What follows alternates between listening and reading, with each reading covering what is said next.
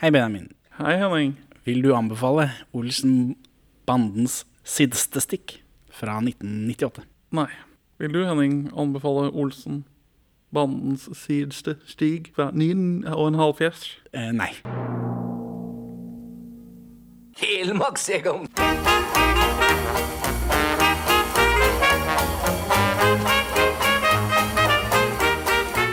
Perla Ah, for svin.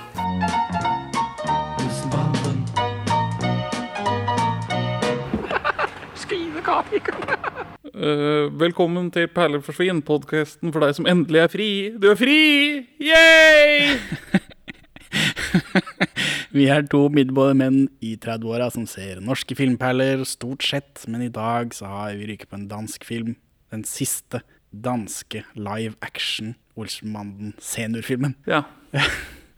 For de har vel én Nå har jeg helt glemt Jeg tror de har én Live En eh, action. live action Olsmann junior-film i Ja, og- tillegg til en julekalender og noen påskeepisoder av den julekalenderen. Ja. Og så har de to animerte filmer, da. Men nå er vi altså her ved Kall det veiens ende. Det er jo denne norske som kommer i september, som vi må på kino og se. ja. Fra forrige film, Benjamin, altså den norske versjonen av denne filmen, så har jeg oversett nå. Det sitter jo to pakistanere på Bennys tutekjør. Eh, Den ene er eh, Nasrullah, som vi kjenner. ja. Eh, og den andre er eh, I rulleteksten, så, eller på IMDb, så står han som tyrkisk eh, sjåfør. Det er Ben Josef. Faren til Åh. Kari Jakkesson, Nice. som jo er med i en annen film. Når er han reperen igjen, da? Eh, det er rett etterpå. Ja. Så um, det var en eh, eh, overse, forglemmelse av meg. Danske Daniel Daus har tatt kontakt igjen, og eh, han kan fortelle at Olsmannens flukt over plankeverket, hvis du husker den filmen, Det gjør jeg. Titelen er et spill på et musikkstykke som heter 'Frikadellens flukt over plankeverket' av komponisten Ole Schmidt. Alt i Danmark handler om mat, alkohol eller pupper. Det eneste eksempelet på det stykket på YouTube er enten urgamle menn som eh, spiller stykket i skapet sitt på keyboard, Ja. eh, eller barn. Så, så jeg, vet ikke, jeg vet ikke hva det er for noe. Er det, er det noe dansker eh, setter pris på, siden de har valgt å oppkalle en film etter det? Det er vel, det er vel noe lett gjenkjennelig da, fra sånn typisk Kanskje. Det er en og annen trekkbilkonge i kornete VØS-kvalitet også. Jeg vil bare legge I epis- episodebeskrivelsen så får vi legge inn en link til et av disse. her. Dette barnet vi legger inn i, i klippen her, han heter Anton.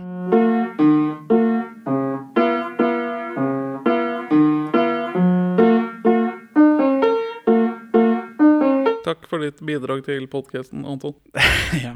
Misk Olsmann Facts, dansk Olsmann Facts, jeg føler jeg ikke har fått med noe annet sted. Kirsten Walter blir bes hele tiden beskrevet som nervøs og skrøbelig, eh, og jeg vet ikke om det betyr noe annet på dansk. Ja, for eh, jeg, jeg, jeg opplever eh, henne som sterk. Karakteren er jo det, men hun blir hele tiden Men er det for å liksom Ja, Men nei, hun, Se, den, er det fordi hun virker så sterk på film at de hele tiden føler at nei, hun var ikke sånn? At de må liksom fortelle hele tiden, rakke ned på henne, eller hva Å, ja. det er for noe? ja, Eller? men ja, hun var kanskje litt skrøpelig som privatperson. For Ja, ja. jeg har sett henne beskrevet som nevrotisk, og du har sikkert sagt det. Det kan hende. Det er som privatperson, ja. Ikke i filmen, Nei, det, for ok. det ser vi jo. Eh, og de snakker mye om at hun var bekymra, usikker, og at hun rødmet, rødmet fælt. Og hun singles ut når det noen ganger fortelles at man måtte ta 16-17 takes. Vet ikke hvorfor de føler at de må snakke dritt om Kristen Walter i disse bøkene. God, gammel dansk kvinneforakt. Ja, Det skotter vel ikke på norsk kvinneforakt heller i disse filmene. Nei. I motsetning til de norske filmene, hvor banden kjører rundt i tilfeldige, eh, falleferdige flak. God løsning, eh, vil jeg si. Eh, ja, fordi den danske mannen kjører rundt i en Chevrolet Bel Air, med unntak av de tre første filmene og den siste her, da, hvor denne rullestolen må få plass. Eh, og det v- høres ut i disse bøkene som det blir stadig vanskeligere å finne den gamle drittbilen, fordi de hiver den tydeligvis da etter hver eh, gang. Jeg vet da faen, jeg. Det burde jo gå an å finne, finne seg en fast låve i Danmark. Ja ja, skulle tro de hadde plass til å ta vare på dem, men, så- men hver gang de lager en Olsenmann-film, så mener de alltid at det er den siste, så det er mulig det har noe med det å gjøre. Men etter s- typ syvende og åttende gangen så hadde jeg kanskje tatt litt lærdom da, og spart på en sånn i tilfelle. Det er ikke mer enn ett år imellom. Paul Bungard er gammel nok i den danske originalversjonen av The Julekalender. Det er jo Arve Oppsal som er eh, gammel nok i den norske versjonen. Så ja, de, de bytter De har samme rolle der, og eh, er dårlige til beins i de siste noen filmene. Ja, men det syns jo ikke på Arve Oppsal. Sånn, de gjør ikke noe ut av det. Nei. det- det- Av en eller annen grunn så er det, det Harald Harald Heide Steen som har fått den dårlig til beins-rollen, selv om han ikke er det. Han brukte ikke krykker, han. Nei. Han hadde ikke bart engang i den filmen. De Nei. tok- Han tok jo av skjegget på slutten. Eh, Det er mye snakk i disse bøkene om Paul Bungars kone, Kirsten. Er Eh, kona hans het Kirsten? Ja, m- ikke den Kirsten. Ja, det ikke Kirsten, skjønte jeg. den andre. Det er bare- Men det står aldri noe om noen andres koner. Eh, Er, er, det, er de som har skrevet bøkene, farget av filmene, hvor Paul Bungar har eh, kone, som tar Ja. en stor del av filmen? Eller hadde Paul Bungar og hans kone eh, så nært forhold at det må nevnes absolutt hele tiden? Ja, kanskje det. Men ja, det- men jeg, det, det lukter jo litt filmfarging. og Kanskje, kanskje karakteren er basert på hans koneforhold? At han har en veldig overbærende kone? Altså, at han er vanskelig å få på settet, for det blir for farlig? Kan hende. De, de sier også at Paul aldri var med ut etter innspilling. Danske liker jo fyll. Ja, Og, eh, for, eller fordi han ville heller hjem til middag. Ja, han var det- jo glad i mat. Det eh, henger jo på grep. Han har jo drikke og mat hjemme. Før vi begynner med filmen, så må vi snakke om Øst-Tyskland, Benjamin. Ja. For det må vi ikke glemme. Frank Eberlein han har jo en statistrolle i denne filmen, så sammenlignbar med vår i den nye filmen. Ja. Nesten. Omtrent like stor rolle. Hvem er denne Frans? Frank. Frank? Frank Eberlein eh, han er jo en østtysker som er superfan. Har lært seg dansk pga. Olsmann. Ja, han der, ja. Ja. Eh, og i bakomfilmen til denne danske filmen her, så fanger de et øyeblikk hvor Paul Bungar spør Grete Sønk, som er hun dama, eh, om hun har hilset på tyskeren. Eh, for han har skrevet en sånn stor bok, og så gestikulerer Paul Bungar med hendene, om Olsmannen. De er Olsen-bandet! Og det er nesten hele livet hans, sier eh, Paul Bungar om denne tyskeren. Føler du et brorskap? Jeg har boka hans her. Foley Work. Nice. De Olsenmannen, Frank Eberlein og FB Habel. Nå kan ikke jeg tysk, så det sier meg ikke stort, men jeg har nå boka. Das große Buch für Franz. Det der er vel 96-versjonen, tror jeg, så den er jo blitt oppdatert da med den siste filmen. Egon Olsen auf äh, Kopenhagen eroberte in äh, 13 Filmen nicht nur die Herzen äh, der dänischen Zuschauer im Nu, sondern auch die der DDR-bürger. ja. Altså, det, han var ikke bare København som ble erobret, men også de østtyske hjerter. Absolutt.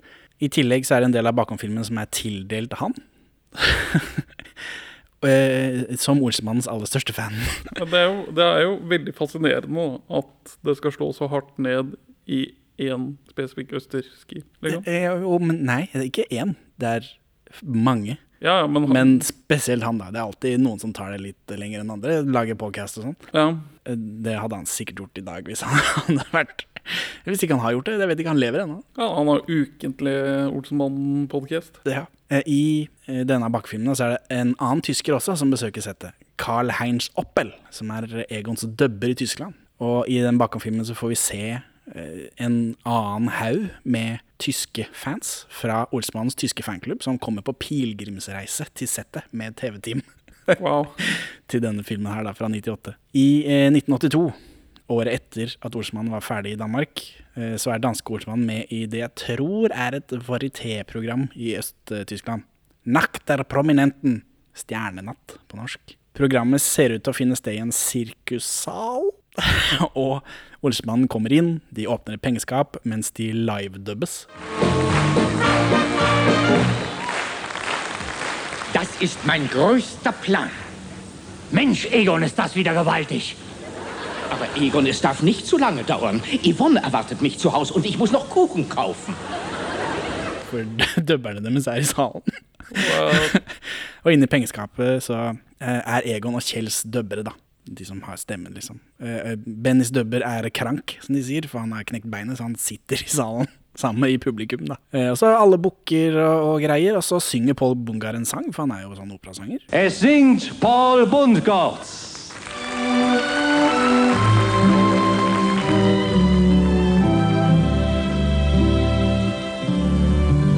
Min sang til deg, mitt hjertes hyrinader, som natt og dag vil lyde i mitt sving. Eh, før Peter Borgelt, i rollen som inspektør Fuch, en karakter fra serien Polizeiruff 110, som gikk fra 1971, og som virker å gå ennå. Eh, han, dette er en kjendispolitimann fra en TV-serie. Han kommer inn, så arresterer han alle sammen. Das erste Mal habe ich euch wirklich erwischt. Der Polizeiruf grüßt ganz herzlich die Olsenbande. Schönen guten Abend. Klippet ligger på YouTube, da, eh, og vi kan legge ved det i episodebeskrivelsen også. Eh, Det står i YouTube-beskrivelsen at klippet er enda lenger på Blu-rayen av den tyskdubbede f- f- danske filmen. Eh, Men eh, så interessert er jeg ikke, så jeg har ikke investert i de tyskdubbede eh, Blu-rayene av de danske filmene. Bare sånn, ja. Men det klippet her har dansk tekst, da, så det er litt sånn forståelig. Ja. Så jeg legger ved det også. Så da har vi snakka om Øst-Tyskland. Er det noe du vil eh, tillegge? Nei, det- altså Det henger jo på greip at denne slipper gjennom den østtyske sensuren. Altså så mye sånn Altså alt det som vi oppfatter som ekstremt kjedelig, repetitiv harselas med eh, liksom vestlig politi og lederkorrupsjon og sånt, det er jo bare helt perfekt for det østtyske markedet. Ja, tydeligvis. Hvorfor skal jeg i dag være omgivet af slaphed, sløvhed og overvægt? Hvor gamle tror du folk er her, forresten? Um, Gamle. 76 på Kjell. Eh, Pål Bungar er 76, det er helt riktig. 78 på Egon. 79 er nesten. eh, og så 69 på Benny. 64. Oi. Og så er det Børge, han er 42. Ja. Bø. Nå skal ikke vi for- foregripe begivenhet- begivenhetene her, men eh, Basse mer pulbar enn Børge.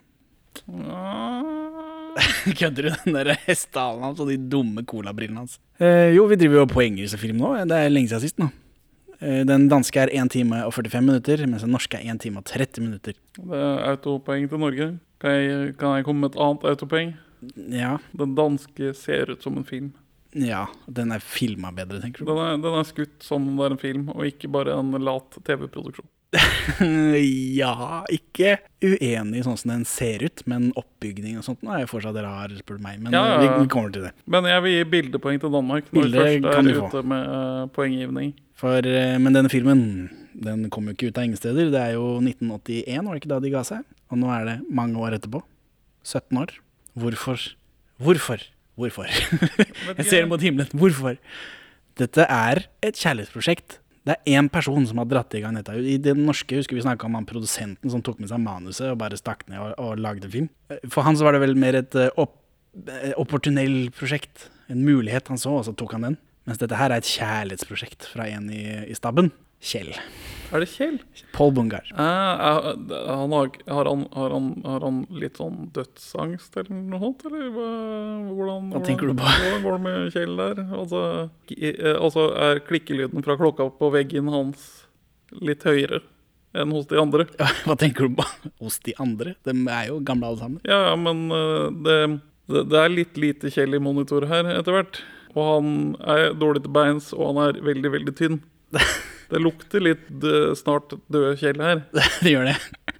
Eh, Men bakgrunnen, da, det begynner med, for han har jo ligget brakk eh, Kjell også i 15 år før det skjer noe. Som nevnt, men ikke utforsket i episode 100 av denne podcasten, så har også danske ordsmannen drevet en del med reklame. Og det er alt mulig ræl, selvfølgelig, så akkurat som du hørte i den episode 100 med den norske. Men danskene har også drevet med gravrøvning, sånn som i Norge. I 2010 så driver et sånt TV-boksselskap, sånn som Get og Alente, eller hva faen det heter om dagen, eh, og klipper inn en random fyr i filmene istedenfor Egon. Sånn så når de står liksom på hver sin kant av Egon, så har de klippet inn en sånn random fyr som sier 'Å, TV-boks er jo kjempefint. Å, ski det godt'. Sier de som, eh, som fortsatt eksisterer, da, som de ikke har klippet ut. Eh, Henning Språgø, sønnen til eh, Ove da, er ute i media og sier at dette er noe dritt. Ja, Fordi Ove Språgø ikke er med i de reklamene, så har de jo ikke snakka med Henning Språgø. nei. For da har de tenkt at det trenger vi ikke. Så det, han er sur på det, da. Men For, men det virker ikke som det er noen andre som er i slekt med de som ikke er klippet ut, som har klaga. nei. Eh, Men historien om denne filmen, da, fra 98, eh, den begynner med en reklame i 1996. Den heter 'Olsenmandens spareplan' og er på 4,5 minutt. Regissert av Erik Baling for Elverket. Ja, Den handler om å spare på strømmen. Men Det er jo veldig i tiden, da. Eh, Om det er alltid i tiden enøk eh, Kykelikokos, det var jo liksom da jeg var liten, så var det alltid du skal spare og resirkulere.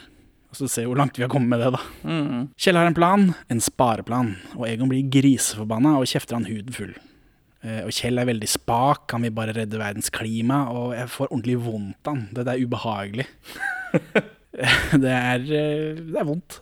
eh, så syns Egon at det er en god idé da, for det er liksom sånn, da tar han det som, som om det var han som foreslo det. Eh, For penger man ska eh, sparer, er skattefrie. Whatever. Så det er enda en link jeg legger ved i episodebeskrivelsen. Jeg regner ikke med at du har lyst til å se den her Eh, og nå. Nei, nei takk. Det, altså, jeg skal ha betalt om jeg skal ha en Dan Olsenmann apokryfer-kveld. Eh, ja, så, Men den eksisterer. Jeg syns det var ubehagelig å se på. At det liksom, den kjeften han får, var eh, Det smertet meg også. For han, eh, ja, for han er så glad, da. Eller, for at nå har han liksom samla gjengen. Uansett, etter å ha laget denne reklamen, så blir Paul Bungar ivrig eh, etter å lage enda en Osman-film. Og han får til slutt lurt med seg de andre. Og på pressemøtet for å presentere reklamefilmen i 1997, så sier Balling at eh, eh, det ikke er planer om en ny film. Erik Balling, da. Et par måneder senere så kommer det fram at han og Bas har begynt å tenke på en ny film. Og eh, enda senere så hopper Balling av, gir prosjektet sitt good luck. Ja. Og så er han på som konsulent, da. Men han gidder ikke å sitte i et hotellrom sammen med Nei, men han har jo en cameo her, så han, Ja. det er ikke helt liksom Han er ikke, han er ikke helt imot det, men han bare 'Jeg er pensjonist, la meg være'. ja. Jeg skal snart dø. Jeg har bedre ting enn Olsenmannen. Henning Baas er jo eneste på manus her. Han skriver dette selv, eller han har jo fått eh, manuskreditten. Eh, og Bungar og Baas er jo da drivkraften bak den filmen her. Eh, Ove Språgø er motvillig, eh, for han har pensjonert seg for fire år, eller altså for fire år siden. I de første scenene så kunne han ikke huske replikkene i dette TV-intervjuet, Ja. ja, det passer jo fint, da. Altså så han ble matet linjene én etter én. Ja, det, heldigvis da, så passer det. Det samme- method acting. Ja, jeg følte det var litt sånn det samme med Egon eh, i den norske også, men det- hvor han liksom fløbber noen linjer og de bare kjører på, men det gjorde de i de originale filmene også, altså. Ja. Eh, Men det kom seg visst etter hvert. Paul Bungar beskrives som sinnssykt glad og i forrykende humør og nøt hver eneste dag under opptakene. Så jeg vet ikke hvor fælt er det han har hatt det i mellomtida, liksom. Eh, filmens fotograf, Peter Klitgar, kult navn, ja. sier han tror at de to andres kjærlighet til Paul Bungar, altså Ove Språge og Morten Grunwald, at det var grunnen til at de i hele tatt gadd å være med. Fordi liksom, Ja. hvorfor skal vi gjøre dette? Eh, Vet du hvor mye de fikk betalt? Én million danske kroner hver.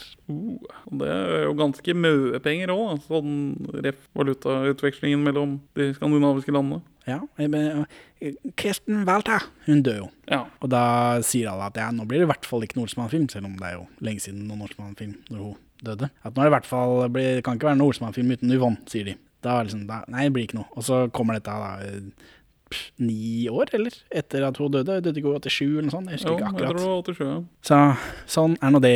Ehm, Børge, Ja.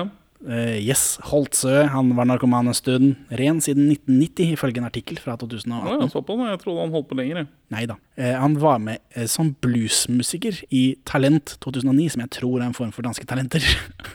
Trist. Trist. Det høres utrolig trist ut. Ja. Det er det eneste jeg har på han. Det er, han lever fortsatt. Drar han en sånn jazzversjon av Nei, det vet jeg, jeg har ikke sett klippet. Jeg bare, men han er sånn rockemusiker, liksom. Sikkert, eh, det har sikkert noe med narkomanien hans å gjøre. Ja, ja. Så, Yvonne Kristin Walthe døde i 1987, så hun er erstattet her av en dame som heter Grete Sønk. Eh, Hun kjenner du selvfølgelig. Hun spiller horemammaen Conny i den første filmen. ja. Tenk på det. De hadde fått dratt, eh, gravd opp en eh, gammel kjerring fra første filmen. Ditt hundehoved. Åpne på Vandenberg-kofferten på koffertbånd. ja dette, dette bryter jo med alle forventninger. Gjør du det? Eh, Det Ja, er ah, Akkurat det samme som den norske åpner. ja men det, er sånn, det var noe sånn rar Olsenbaten-font. og Liksom, alt er bare gærent. Det er ikke noe smur, det er ikke noe Men i den, tre- den, norske Olsma- altså, I den norske filmen så er den Olsman for, eller den fonten de har brukt der, er jo den Jurassic Park-fonten. Er det det? Ja, for det, Den er sånn rød kant, og så er det gule, og så er det sånn rød strek inni. Jeg har lagt ut på Twitter. Ja. Det er forstyrrende likt. Jeg kan ikke helt forstå hvorfor. Nei, det, Eh, han som alltid spiller skurk, spiller departementssjef Hallandsen. Det er Bjørn Watt Bolsen. Han er gammel nå. ja, men han virker å ha vokst som skuespiller siden Altså, sist. nå er han jo skummel. Ja, De andre gangene så har han vært litt sånn gråtete og litt sånn eh, kjip. ja. Men her er eh, han likeens. Vi må ha poeng i dette greiene. Eh, Nils Ole eller Bjørn Watt Bolsen. Hadde dette vært for eh, 20 år siden, så er det walkover Nils Ole. ja. Fordi da hater vi Bjørn Watt Bolsen, men jeg liker Bjørn Watt Bolsen. Da. ja og så- Sint, sint gammel mann. Altså, ja, og så er det, en, det er noen synergieffekter her. Det er én, det er Olsenbanden gjenbruk av skuespiller. Og så er den satiren på embetsmann er tydeligere her. For i den danske så er det Bismarck som er liksom den Hallandsen identifiserer seg med, mens Nils Ole Ove Ole Oftebro Ole, ja. eh, Han eh, sokner til Napoleon av en eller annen sånn uforklarlig grunn. Jo, fordi det er bare du i hele Norge som kjenner en Bismarck på trynet. Jeg spurte han dansken hvorf- hvem er dette, og hvorfor. Nei, det er Bismarck, vet ikke hvorfor. Men Napoleon gir seg selv. Napoleon er, er liksom en sjeftype, en liten fyr som prøver å heve seg opp mot et eller annet. Altså, jeg forstår karakteren Nils Ole når han vil være Napoleon. Eh, Her, dette er en gammel sint mann med bilde av en gammel mann med spiss hatt. Eh, Jeg, jeg, an- jeg skjønte ikke hvem du var, jeg skjønte ikke hvorfor. Du sier det er Bismarck, ja vel, jeg skjønner fortsatt ikke hvorfor. Ja, men for Napoleon er stor leder som skal bli få verdensherredømme. Ja, og Bismarck er en som knytter bånd over hele Europa, som til slutt fører til første verdenskrig, men det er ikke det folk tenker på når de ser et random bilde av en gammel mann. Nei, nei, men det er det Du henger, vet det. henger Jeg med vet det på- fordi det jeg, henger med på fordi jeg har hørt en podkast om det, men, men det er ikke Eh, Så jeg, jeg, jeg, jeg faller ned i uh, Hallandsen-land, faktisk. Ja, det heter Hansen begge to, gjør ikke det? Jeg faller ned i dansk Hallandsen-land. Jeg vil gi poeng for Poeng til Danmark for Bjørn Wapp-Olsen. Ja. Jeg vil poeng til Norge for Napoleon over Bismarck. Nei. For det er faktisk det dummeste. Det, det, er for idiotnerder som deg. Om, om Norge skal ha poeng for det, så blir det i hvert fall for at det Napoleons-greiene brukes mer. At de oftere har det i bakgrunnen. Ja, se på meg, og så så retter han seg opp og putter hånda inni det, for at du skal forstå hvor han vil. Han vil være diktator. Ja, Generator. generator. Ja. Så eh, poeng Norge for Napoleon. Eh, poeng Bjørn Watt-Olsen. Han kjefter på en yngre fyr, da. Alle disse departementsfolka i Danmark har bowler og smoking og sånn. Det har vi ikke i Norge. Ja, det, det, er- det, det er den derre Olsmannen eksisterer utenfor tiden-greia igjen. da, At de ikke er liksom Nå har vi ikke adel i Norge. Er dette noe adelgreier de har i Danmark? Ja, det- for det er en del sånn satire på arvet makt og sånt. han- For han snakker jo på et tidspunkt om hans tipp-tipp-tippoldefar eller noen som hadde en eller annen statlig rolle under Kristian den syvende. Og det er, det er noe sånn Det det er vitser som sparker tydeligere oppover. Kim, Haug Kim Haugen versus denne random komikeren. Jeg liker Kim Haugen, men han random eh, Kim Haugen er en barnefigur. Denne tilfeldige fyren har jeg egentlig ikke noe forhold til. Nei, mens det at ha- måten han her i den ene sekvensen har en, prøver å ha en eh, profesjonell samtale mens en eh, flott dansk kvinne eh, kysser han på beinet Det var hakket mer porno enn den norske, og det fungerte bedre for meg. Så jeg vil gi det først. Trommemaskin, eller hva faen det er for noe han Kim Ja, Haugen så driver med. jeg vil gi pornopoeng til Danmark. Yes. Det første pornopoenget til Det Danmark. første. Det kommer flere pornopoeng til Danmark. Men Kim Haugen, da. Kim Haugen over han andre fyren. Kim Haugen er en bedre skuespiller, vil jeg si. i en barnefilm, så ja. ja. Helt ålreit. Jeg kan ikke si nei til et poeng til Norge. Nu må de tage dem sammen. Ja, eh, Jeg er reddere for eh, Bjørn Watt Bolsen nå, har jeg skrevet, enn jeg har vært før. For han har vært en sånn gråtete, litt sånn Hvor de norske versjonene har vært sintere. Ja. Så eh, Bjørn Watt Bolsen han eh, dør ti dager etter premieren, og det syns. Ja, han, Han er rett Fjeset før han hans dør. henger. ja, men eh, ble bedre karakter av det, av en eller annen grunn. Så er det dette første koffertkuppet eh, med en fyr som røyker, eh, så han ser disse laserne. Denne gamlegubben, han røyker sigar, og, eller han røyker sigarett, og ikke sigar. Han røyker sigg, liksom. Så her har de gått glipp av noe. Dette, for I Norge så er jo dette en sigar som Egon finner igjen når han er der inne, Ja. mens i Danmark så Å er ja, det bare du, ikke noe. du er på å gi Norge poeng for å legge til en ditt? Jeg vet ikke om det er en vits, men det er jo noe karaktergreier. Jeg vet ikke. Det er etabler... Det er, dette er et kjennetegn fra Egon. Det er noe mer da, enn bare 'å, han har sigar'. Ja, Jeg, fø- jeg følte at den sigaretten understreket hvor liksom bleke imitasjoner de er av Egon Olsen. Jo, Egon. men de, det, har jo ikke, det blir ikke lagt noe vekt på Eller i Norge så blir det lagt vekt på den sigaren to ganger, da, for han får en av, eh, av eh, Valborg i tillegg. Jeg vet ikke, jeg følte det var noe at det, det, det var en origin story på sigaren. Ja, Og det trenger man. ja, 14 filmer inn.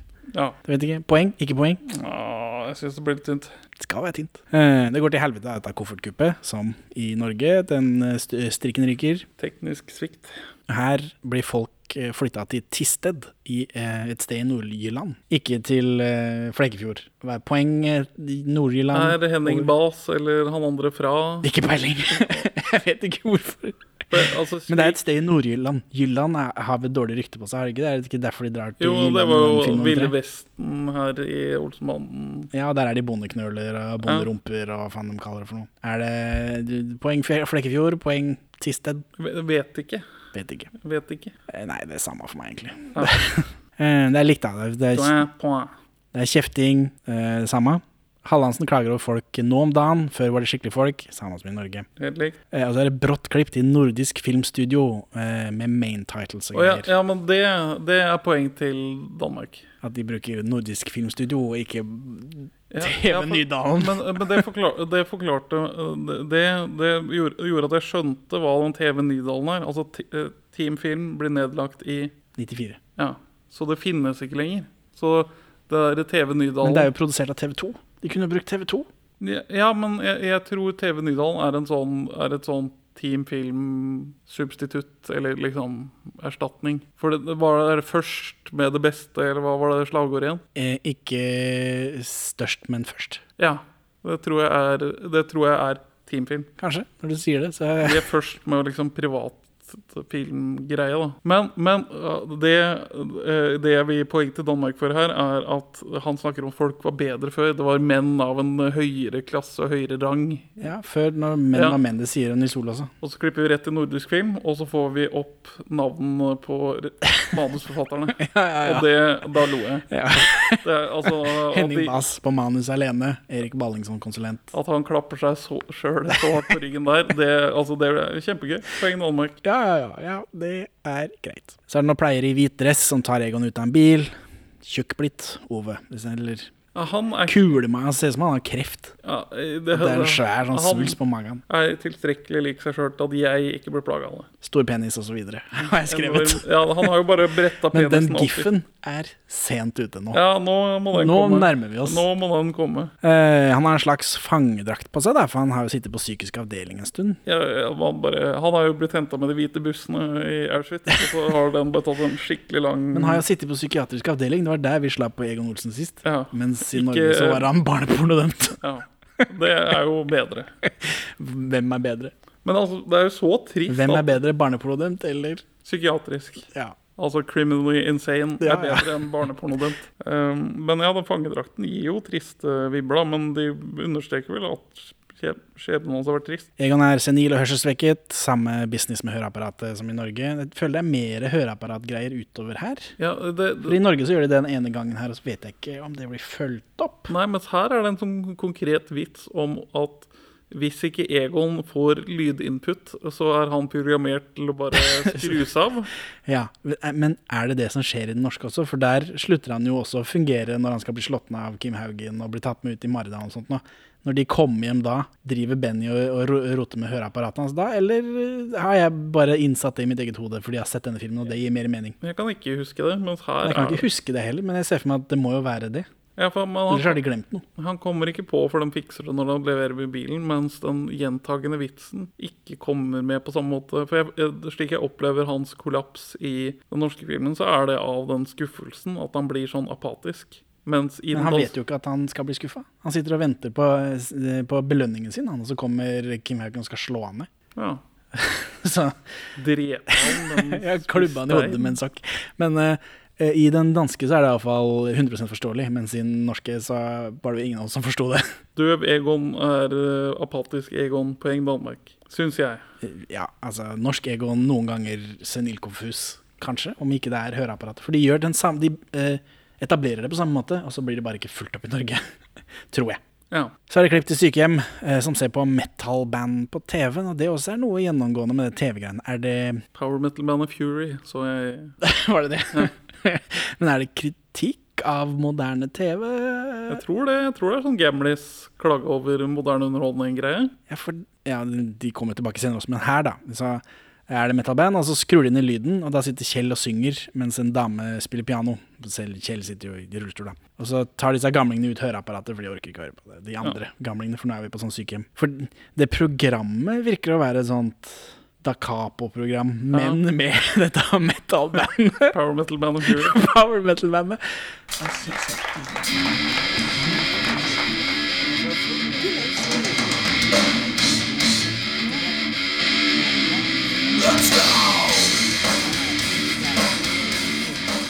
Eh, Jeg skjønte ikke.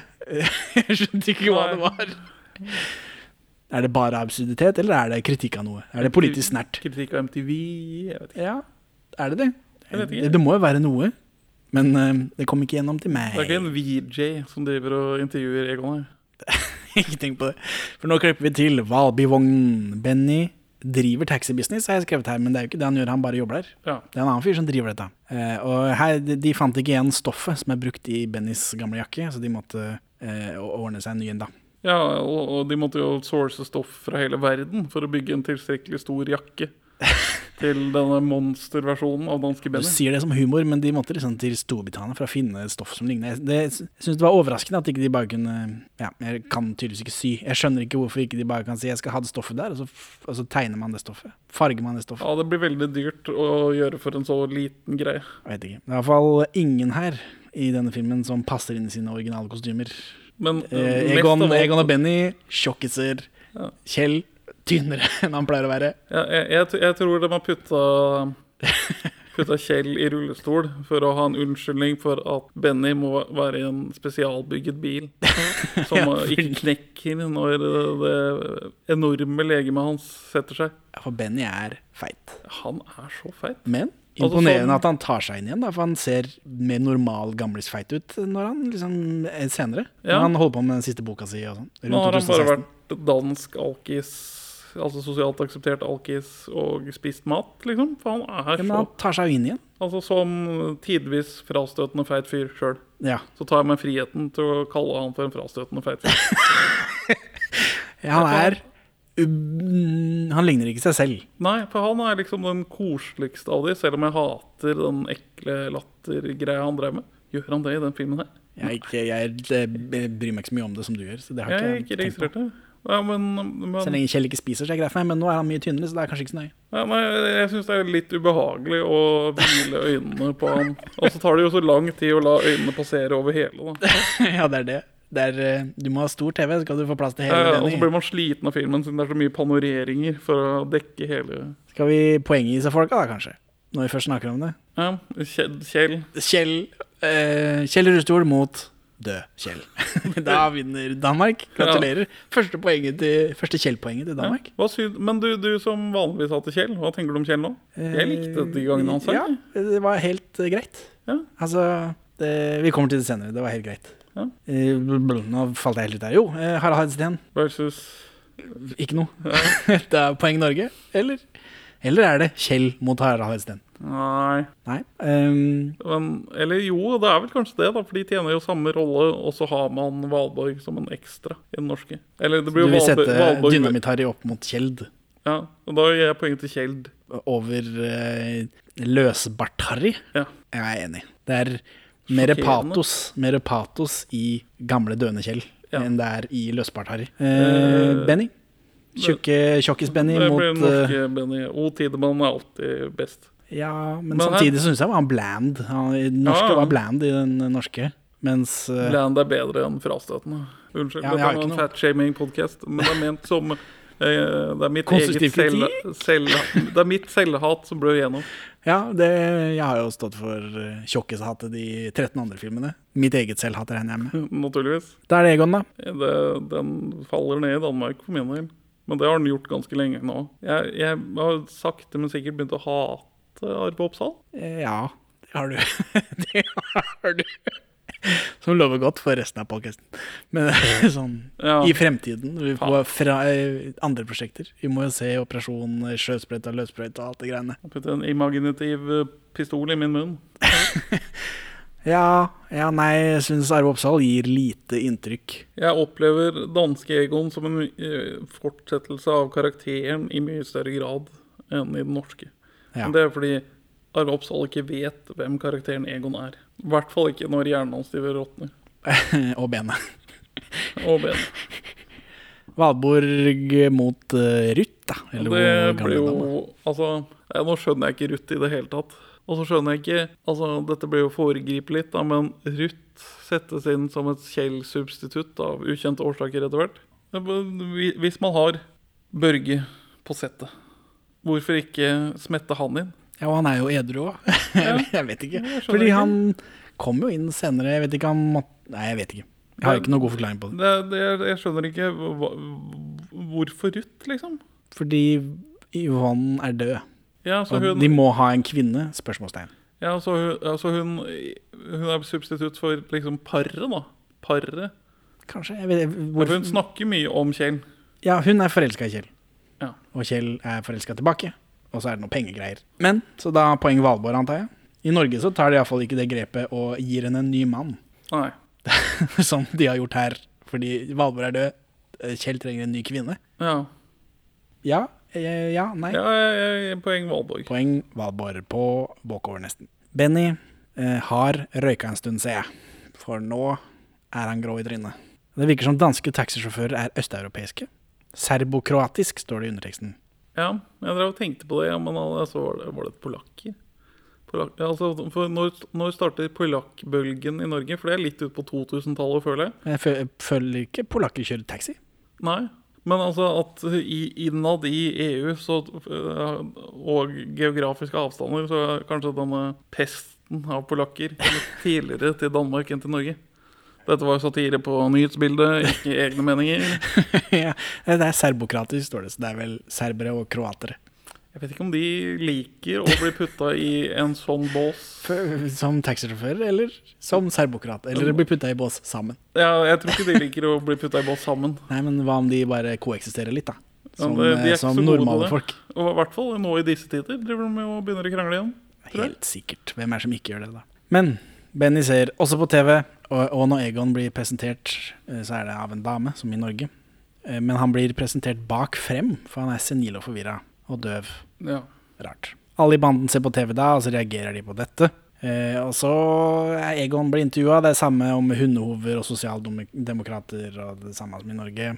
Og så blir han tatt av lufta, og så går dette metallbandet på igjen. ja. Så igjen, skjønner ikke hvorfor. Er det kritikk av populær, mu kul- populær musikk? Vet ikke. Hva slags pause Eller hva slags band hadde de på disse danske varietéshowene? på 90-tallet? Vet ikke. Eh, Hallandsen ringer Holm Hansen jr., da. Og Holm Hansen jr.s elskov er ikke så idiotisk. Samme som du snakka om i stad, at han Det er en deilig dame som slakker ham på tærne, eller hva det er for noe. Det er ikke noe trommer og tull. Det Nei. er liksom det er en deilig dame ved føttene hans. Ja. Så Pornopenger Danmark. ja ja, det har de fått. Det har de fått. Holm Hansen får beskjed om å dra og hente Egon der hvor de lager sånt i Godstein. Altså de, han sier sånt istedenfor uh, billig TV-søppel. Ja. Dette med folkelig underholdning, eller hva det er for noe, er jo fra Norge, da. Altså billig TV-søppel er fra Norge, så det er det innpassa Knut Bovim har sniket inn i manuset der. Egon var på dass, og så eh, kommer gutta og skal dra av gårde, da. Eller Benny drar. Og, jeg må gå, sier han til sjefen sin. Kjell også. Full panikk i rullestolen. Egon på TV triller ut. Og så driver Egon og roter rundt, og så lukker han opp en dør, og der sitter Banning og Bass og skriver på skrivemaskinene sine. Og Slaver på skrivemaskinen. og sånn. Ja. Gøy. Så er det cammerpoeng? Er det to cammerpoeng også? Ah, ja. Vi Ja, pleier det- å gi to. Vi gir jo to for eh, det Helmer og Sigurdsson og sånt. Ja. Dessverre for eh, Norge. Så finner han dressen da, i et bilde som gir 100 ganger mer mening enn det norske. Det magiske i Jeg liker det magiske med hatten litt. Men det og syns ikke. Det syns ikke. Det syns på meg, Ja, ja. som har evne til å, å tolke bilder. Eh, men ja, det er riddere, og så, Mye bedre komponert, har jeg skrevet. ja, og så føles det derre eh, komposisjonen av han som kommer ut av den lyse tåka, det føles mer ut som eller, som en vakker tilfeldighet enn Arve Oppsal som dasser ut av en garasjeport. Ja. Ja, fordi eh, nå går vi rett på Egon i dress, som kom ut av det rommet. Det var litt dumt. Det tok liksom magien ut av det, spør du meg. Fordi det er jo neste shotet som er revealen. For neste shot etter det, så er det Benny som ser Egon kommer ut av røyken. Det er rart at de blåste revealen på forhånd. For det er en port som trekker seg tilbake, det går en sånn tut-tut, det går en sirene, for det er så mye røyk da. Og så kommer han liksom eh, gående ut, og så er musikken er mye bedre. ja, mye bedre. F- eh, Jeg la ikke merke til i Norge, men her er det myke strykere, og Benny står på utsiden, og så sier han stille for seg selv Egon, velkommen. Velkommen, Egon. Egon. Han, s- han sier Egon, velkommen. Sånn inderlig, på en måte. Jeg blir nesten rørt.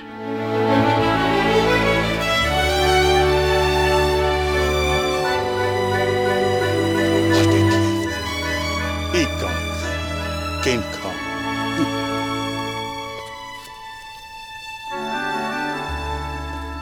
Eh, Men jeg, jeg satt og tenkte over det etter hvert. At bare, I hvert fall når rulleteksten kom. Bare sånn, Hot damn, dette var et godt opptak av Olsenbanen-theme. Ja, så eh, poeng for reveal. Revilpoeng og For det er liksom viktig, samtidig som mm, litt trekk for at de viser han går ut av det rommet i dressen. Hvorfor det? Ja, det, det er teit. Men, eh, og musikkpoeng, tror jeg. For det satt jeg ikke igjen med etter den norske. Jeg følte det var en del av revealen, jeg, da.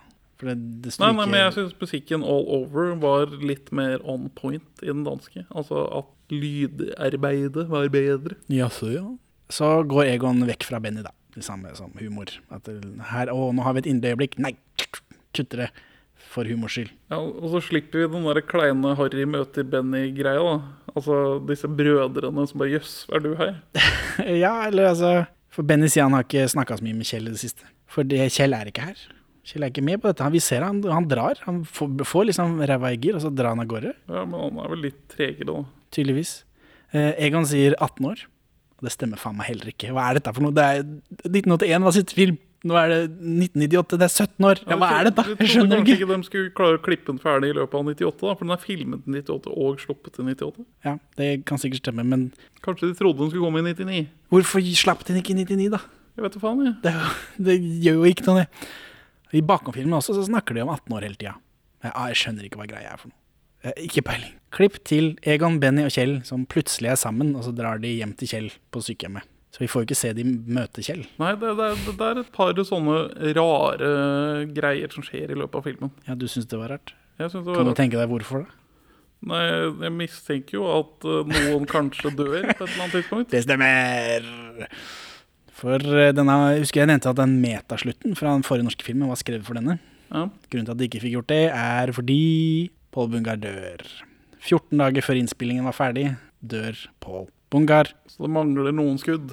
Han som spiller Kjell, han ble kjørt til sykehus i kostyme, Han dør i rolle. hvor han døde tre dager senere. 3. juni. Ja, så det skifta kanskje på han før han døde. Eh, Ja, men altså, han ble 75 år da. Han, de skifta på ham før han døde. Til slutt så var det nyrene som ga seg, selv om han også hadde diabetes og satt i rullestol og osv. Og etter å ha snakket med Bungars enke, så blir de enige om å fortsette fordi han så gjerne ville lage filmen. Så det er fire ukers stans, da. Så jeg, hvorfor i alle dager skulle etterarbeidet ta mindre tid, når de må drive med stand-in, skrive om manus, kuke årene? Ja, Men de må jo også digitalisere han inn i noen sekvenser. Eh, Ja, altså Det er, det er en del skudd som mangler her, og så er det en del skudd hvor han er erstattet med Ruth. Ja. Det er ikke alle steder de har klart å erstatte han med Ruth. Nei, det er eh, ett skudd hvor han er digitalt satt inn, og de sier at det er første gangen noen har klipp satt inn liksom, digitalt hode. Og jeg kommer ikke på noe tidligere. Gladiator sk- kom jeg på, det er 2000. Ja, nei, det kan være. Game of Death, da, men der er det jo manuelt satt på. Tommy Canter, han eh, som spiller han steinknuse dansefyren med pastaen i, i Olsmannens flukt over plankeverket, vet du, hvor de står sånn og svinger. Eh, Han spiller Kjell i resten av filmen, med proteser, da. Eh, Og så er det Kurt Ravn, han er også med i plankeverket eh, som lastebilsjåfør. Eh, Har stemmen, da, for han pleide å pari- parodiere han. Ja, det, det la jeg aldri merke til, i hvert fall. Alle utendørsskudd er fake eh, Kjell. Ja, ok. Og så er det når han sitter i rullestolen og skal trekke Egon, er det der fjeset hans er plastra på? Det stemmer. For det, der skurra det veldig i min monitor. Ja, jeg syns det var helt helt ålreit. Helt ålreit, men nok til at jeg la merke til det. ja.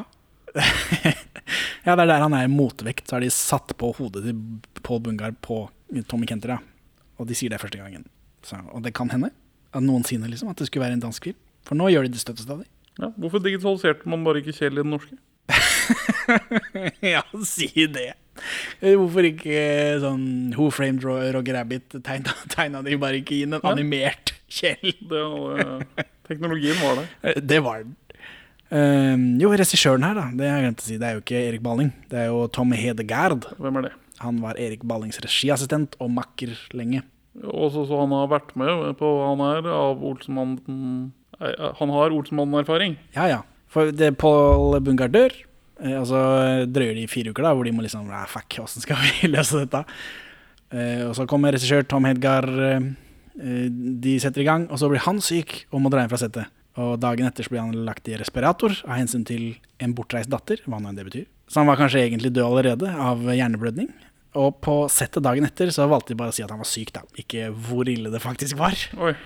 Så de hadde to dager foran seg da, med filming på Øresundsbroen, og om de hadde bomma på det, så hadde de ikke klart å komme tilbake på sporet. Så er det Peter Klitgaard som eh, beskriver den oppdagsdagen han ikke kunne si hvordan det sto til, eh, som umenneskelig. Og så dør Tom Hedegaard da 6. august, som 56 år gammel. Shit. Denne, denne, denne filmen her er jo sånn satt merke i hånda, da. Ja, altså så eh, Paul Bungar dør 3. juni, og så dør regissøren eh, 6. august. så, så sånn er nå det. 24. august så er filmen ferdig filma. Morten Anfred fullfører filmen sammen med fotograf Petter Klitgaard. Mm. Uten kred, eller hva? Jo, de står som takk til eller noe sånt, nå tror jeg. Jeg husker ikke farta, jeg var ikke den her. Det er ikke så godt med Kjell. Eh, innen filmen fikk premiere, da, så døde Paul Bungar, Tom Hedegaard, Bjørn Watt-Bolsen, eh, Benny Hansen, som er en sånn minirolle, og Allan Mortensen, som var Kjell stand-in. Han var stand-in før Paul Bungar døde, fordi etterpå så viste det seg at han eh, var ikke mulig å ha på kamera. Det, han var skikkelig ræva. Han klarte ikke å ikke fnise, han klarte ikke å try- styre trynet sitt, og han ligna, ligna vel ikke nevneverdig heller. Så det er, Annet enn som stand-in, da, for det er jo noe man gjør når folk ikke er til stede. f- så det er fem stykker som dauer mens den filmen er i produksjon? Før den får premiere, ja. ja. Ja. Shit. Det var mye folk som hadde som siste film i den andre også, da, men jeg tror ikke de dør mens det står på, I grevens tid spiller man i den siste Olsenmann-filmen. tydeligvis. Så derfor eh, ser vi ikke Kjell treffe resten av banden, som var litt rart. Det, ma- det, det, det skuddet hadde ikke kommet ennå, liksom. Nei, alt ute er uh, Det er standards. hvorfor man må skyte filmen sin kronologisk. Eh, når man er eh, så døende som Pål Bungar er, så kanskje det er vanskelig å ta de utescenene. Kanskje. Ja. Vet ikke. Vet ikke hva de tenkte. Men nå eh, er vi inne i en av leiligheten, rommet til Kjell. Det er noen bilder av Børge. Koselig å se. ja, men jeg syns det var så rart at det var så gammelt bilde av Børge. Altså Sist gang vi så Børge, hadde han kort hår. Hvorfor har vi langhåra Børge på veggen, og ikke noe sånn voksen Børge fra dette fengselet? Ja, det var det. Et, eh, Børge Basse. Poeng. Det er mer Børge. Det er jo det, men det er jo fordi Kjell er død. Kjell Ja. dør midt i. Jeg, så jeg vil gi poeng til Danmark for å bruke mer Børge. Selv om jeg skulle ønsket meg Deiligere Basse. Ja, men mer, mer Børge og altså det er en k- kritikk retta mot begge filmene at de ikke gir mer fremtredende roller. Eller er det bare dritræva voksenskuespillere? Det kan jo også hende. Vi Ja, får jo se kanskje Børge Børge har- skuespille litt. Jeg vet ikke, Hva syns du? Jeg la ikke merke til det fordi det går på dansk. Ja, kanskje Børge har sånn skikkelig sånn junkie-stemme. Den, jeg vet ikke Men hvordan- hvordan var han før, da? Bø. Han var jo men- ikke sånn men han får sånn- spesielt gira får sånn- før heller. På sånn lys og knirkete det kan dansk hende at det- bøkestemme hadde vært litt rart, ikke sant? Hadde jo det. Er det noen poeng til eller fra fordi alle dør, da? det er jo gøyere da at folk ofrer livet for Olsmannen. Pål Bungar, eh, de siste ordentlige klærne han- klærne han har på seg, kostyme Ja, det, det er litt poeng. Å dø, i, dø for Olsmannen, det er poeng. Dør lykkelig, til og med. Ja, For dette var jo eh, en Die drøm. doing what he loved.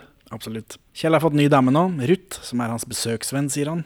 Kjell er tynn, eh, tynnere enn Benny. Det er hipt med gamliser som får dyppa han, syns jeg. Men det føles litt hånlig mot eh, Yvonne. Ja, for jeg syns det mm, Og så- kommer ikke opp at Yvonne er død, liksom. Nei, det Nå eh, I- skal i- sies at en av de scenene som ikke ble spilt inn, var en scene hvor eh, Kjell skulle eksplodere. Nå vet jeg ikke hvorfor. Å ja, for å, noen har sagt noe negativt om Yvonne, da. Det er jo den klassiske Ja, men jeg mistenker at det ville bare vært noen som sier noe negativt om Ruth. Mistenker jeg, uten Ja. at jeg vet det. Men, så, eh, Men i den norske så tar man seg tid til å hylle Kjell, gjør man ikke det? Jo, der blir han nevnt et par-tre ganger, da. De sier liksom 'Å, dette skulle Kjell ha sett', sier de. Og så er det dette med panteflasker og det greiene der. Ja. ja jeg, vil, jeg vil gi poeng til Norge der, altså. Faktisk. Ja, for det- jeg følte ikke at Yvonne ble nevnt i det hele tatt. Nei. Og det føles hånlig, rett og slett. Kjell er tynnere enn Benny nå, og det er litt forstyrrende. Det er feil, ja. Stemmer ikke. Ruth kommer inn og blir introdusert for banden. Eh, Kjell har sagt at Egon er direktør og Benny ingeniør, og Ruth går etter dette. Kjell er blakk, og han trenger cash fordi Ruth vil være likeverdig. Her er det noe feminisme eller noe sånt. Ja. Fordi Ruth har tydeligvis noe cash, og så skal de flytte til Mallorca eller hva faen. De skal kjøpe et eller annet dritt. Timeshare og noe, sånt- noe dritt. Eh, og Benny sier at det var en feil sist, det på Amager. Så jeg vet ikke hva det er. Fordi da hadde de jo penger. Sist gang vi forlot de, så fikk de jo penger. ja. Og mm, Egon i psykiatrisk avdeling. Så det, det blir bare vifta bort med at det var, det var feil. Egon har masse planer, men overlegen har konfiskert dem. Egon vil ta de engelske kronjuvelene. Dette er noe McGuffin. Dette kommer jo aldri Dette blir bare skyvd foran dem. Ja. ja. Er det, var det irriterende? Jeg fant det litt irriterende. Nei, jeg syns det var sånn Ja, det er sånn Egon finner på. Jo, men det skjer jo ikke. Vi får ikke se det i filmen. Det er ikke sånn at Egon presenterer en plan i noen andre filmer, og så gjør de det ikke. Nei, men Børge stjeler planen til slutt. Ja, Og har på seg sånn båndskurkdrakt. Eller fordi han er høytstående skurk. Ja, Det samme var jo eh, Basse. Ja. Han òg hadde jo fin dress og fin bil. ja, Og men fin dame i fint hus. Børge var litt mer sånn tilskrudd på det. Ja, og Børge har mer å gjøre også. Børge har jo makt. Ja. Utøver makten sin. Mens i Norge så får vi bare anta at han har masse makt. Så er det politiet. Holm Hansen er hos politiet og snakker med Holm. Holm er gråhåret. Det- Han, unge mann. Man pleier å bli kalt unge mann. Men han ser jo like gammel ut som alltid. Jeg synes alltid han har sett 100 000 år gammel ut. Nå er det ikke noe Holm, eller jo, det er jo Holm i Norge. Men det er Anders Hatlo som fyller Hermansen-rollen. ja. Mens Gran fyller Holm-rollen. Men, Hvordan vil du poenget i dette? Er det Holm mot Holm, eller er det Holm mot Gran? oi. Siden vi har Kjell og Dynemetar imot hverandre, så må det være Holm mot Gran, da, for de fyller Ja. jo samme rolle. Så Legacy Holm mot nyskapte eh, skapte Gran. Eh, Jeg vil Legacy Holm få poeng, men blunk over Mortensen. Eller hva Nei. Hva, Nå er du helt på bærtur. Du er faktisk helt på bærtur. Øyvind Blunk er ikke med i den forrige Ja, filmen. hvem er det som- Mortensen har ikke vært med på ti filmer. hva heter han nye igjen, da? Det- Holm av Anders Hatlo. Ja. Ja, Anders Hatlo over, Herm, eller over Jensen. Jensen. ja. Eh, Anders Hatlo over Jensen, ja. Ja, men her nå Denne Jensen gjør jo noe. Det merker jeg. Wow, wow. Det er faen meg Han, sant. jeg visste ikke at han eksisterte utenfor det kontoret. Og, han- og han har noe som driver han. For han, han er fanget i jobben pga. noe teknisk styrt rundt pensjonen hans. Fordi, ja, de, eh, fordi det er så mange som heter Jensen. Er det det, da? Ja, det var, wow! Har de, har de strekt seg inn i framtiden, hørt på podkastene våre? og liksom, og han Henning-fyren i den podkasten irriterer seg veldig over at alle heter Jensen. Så det syns jeg er morsomt. Holm Hansen tror at Jensen er død, men det er han ikke. Han er ikke personert heller, for det er så mange som heter Jensen, så da blir det kuk i computeren. Nice. Det er gøy. Jeg føler meg sett, Ja. så jeg vet ikke om det er poeng for det, men eh, det var gøy. Ja, det er EDB. Der er alt for mange kollegaer, der hedder Jensen, der gik fuldstændig kuk i computeren. Men han får stadigvæk sin løn, så han sidder her om bagved. Jensen sover på et rom mellom permer, og han er like gammel. Hva skje- har skjedd her? Han er den som holder seg best. Ja, ja, nå, det er fordi han var så gammel før. ja, men, hva har at han skjedd? ikke eldes, det Imponerende. I forhold til de andre, som jo har eldes eh, i hvert fall 50 år siden sist. Jensen Thor Holm Hansen kommer for å fikse pensjonen hans. eh, Og her er også sjefen en kvinne, men det er ikke, ikke noe sånn plumpe vitser som i det er ikke Norge. like spydig, nei. Nei. Men jeg føler at de hinter til eh, at de er kritiske til at kvinner har makt. Jo, men eh, hun Hun? Ja, det er en hund nå. Ja. Det er ikke like tilbakestående. Like utviklingsutfordret. Nei. eh, Det er stemning her, det er atmosfære i bildet, og det har jo ikke vært eh, i Norge. Det, det har de ikke. Så er det samme greia da, som alltid om hvit kriminalitet, men det er mer dynamisk. Jensen går rundt og slår på mapper, og liksom, han beveger seg da, istedenfor at de bare står i et stillbilde rett foran, eh, foran pulten. Hallandsen ringer Holm Hansen igjen, eh, men han ligger bare på sofaen og leser avisen. Han driver ikke og slår på trommer for å pule, sånn som, Nei. sånn som vi gjør i Norge. Eh, Og nå er det Institutt for teoretisk kriminalitet, hvor tydeligvis Egon har vært innlagt. Ja. Fordi det er en overlegen har alle eh, planene hans, og dette skjønner Jensen, så han vet at de skal dit. Så Jensen, nå er Jensen utenfor kontoret.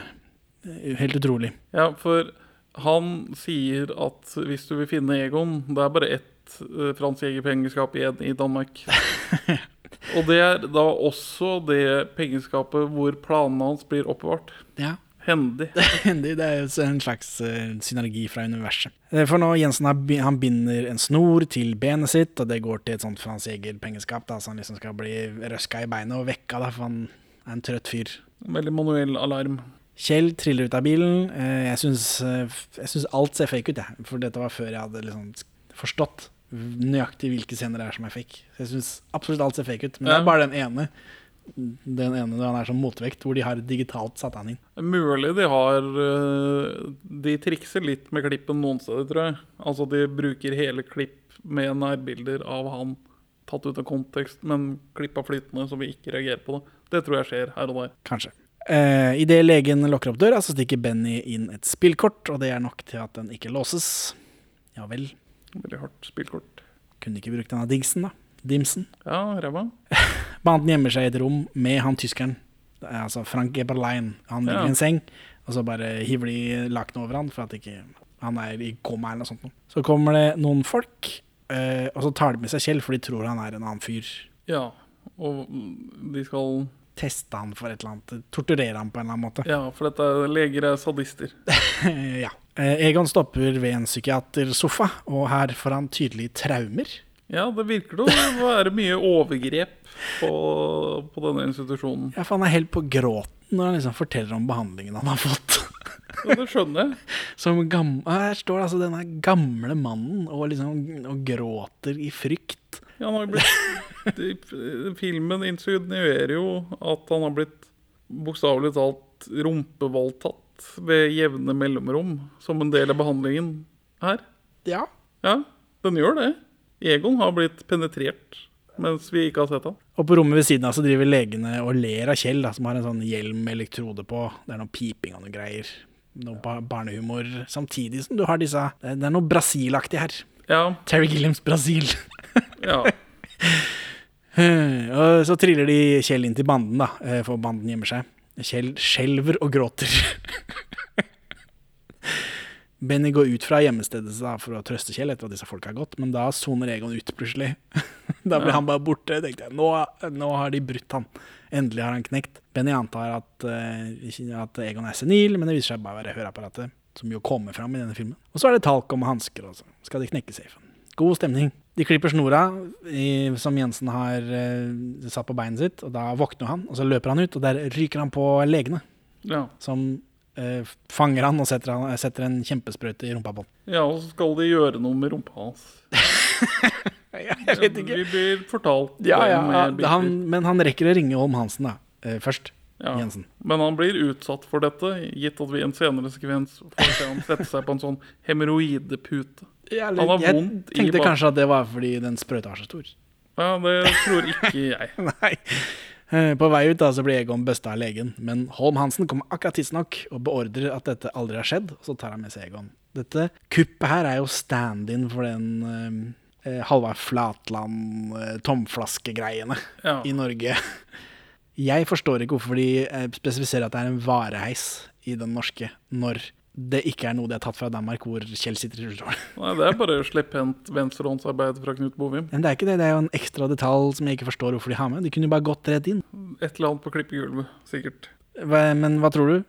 Flatland mot eh, dette eh, rumpevoldtekt-greiene. Rumpevoldtektgreia altså i, Rumpevoldtektgreiene. i, psyk- i psykiatrien i, Psykiatridelen bygger karakter. eh, Viser oss ja, eh, hva har skjedd i disse De kaller det 18, jeg kaller det 17-årene. Mens den eh, norske biten var ikke noe. Nei, tynn cameo. Basic bitch-kupp. Dette var mer i tråd, og så får man denne satire på alle overgrepene til skandinavisk psykiatri. ja. ja, ja. Poeng til eh, Danmark, da. Ikke noe poeng for eh, Halvard Flatland. Cameo-poeng. Cameo-poeng, Ja. Det er automatisk, det uansett. Selv om Det er sånn, sånn det funker. Sånn er det det funker. Tenk på alle de danske cameo-poengene vi ikke får med oss. Det får bare være. De fikk cameo-poeng for disse to kokkene for lenge siden også. Så der, hvis det står skrevet, på, skrevet opp at det er en cameo et sted, så har jeg notert det. Det er cameo-poeng for Kongen og Knekten også, forresten. Lars Andreas Larsen er det cameo. Han, eh, han er jo noe, men hvorfor var han med? Ja, men Har ikke han vært med tidligere òg, Han var ikke det. da? Det Ikke? er det som var problemet mitt med Ja. den forrige filmen. Det føles som det burde være tidligere. Og så er det Føles bare som det burde vært noen helt andre. Jan Panderovsen, ja, han pleier jo ikke å få poeng. Av en eller annen grunn. Å være lusepuste og hengerøv skal man lede lenge efter. Ei, ei, ei. Perleforsvins, Olsen, Tember ruller videre, så denne episoden må også deles i to. Vi må nok lage en ordentlig episode på Olsmannens siste skrik eh, senere. For akkurat nå så er jeg med- midt oppi føding og det som verre er. Det beklager jeg selvfølgelig, jeg burde timet denne babyen bedre. Så da kom jeg meg ikke på kino for å notere med det første. Men jeg har jo sett et råutkast av filmen. Altså det- filmen ferdig klippa, men uten en del spesialeffekter. Så jeg føler jeg kan uttale meg om hva jeg syns.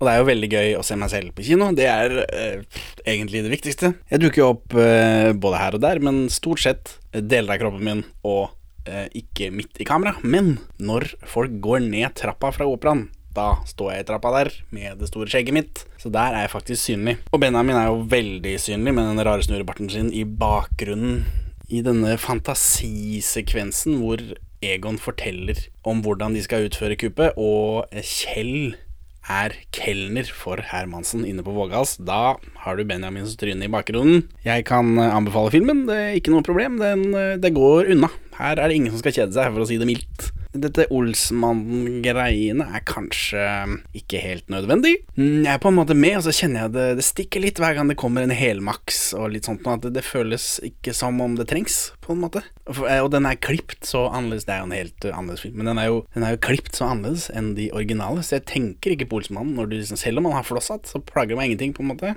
Bowler, beklager.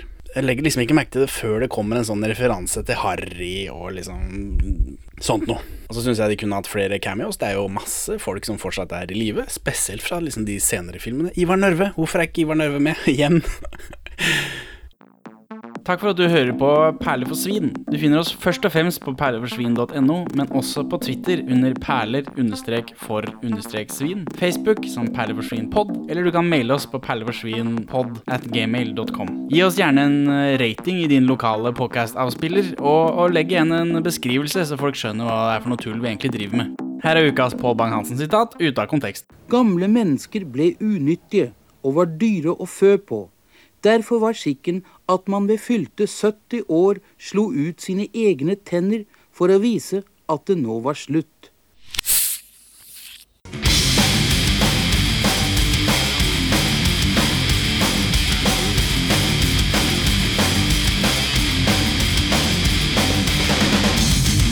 Det betyr bare sanddyne, men eh, det er greit. Mm. Klitt betyr bare sanddyne på, på dansk. Dun heter jo klitt på dansk. Gjør det. Boka Dun i Ja, dansk boka er oversettelse heter klitt. Ok.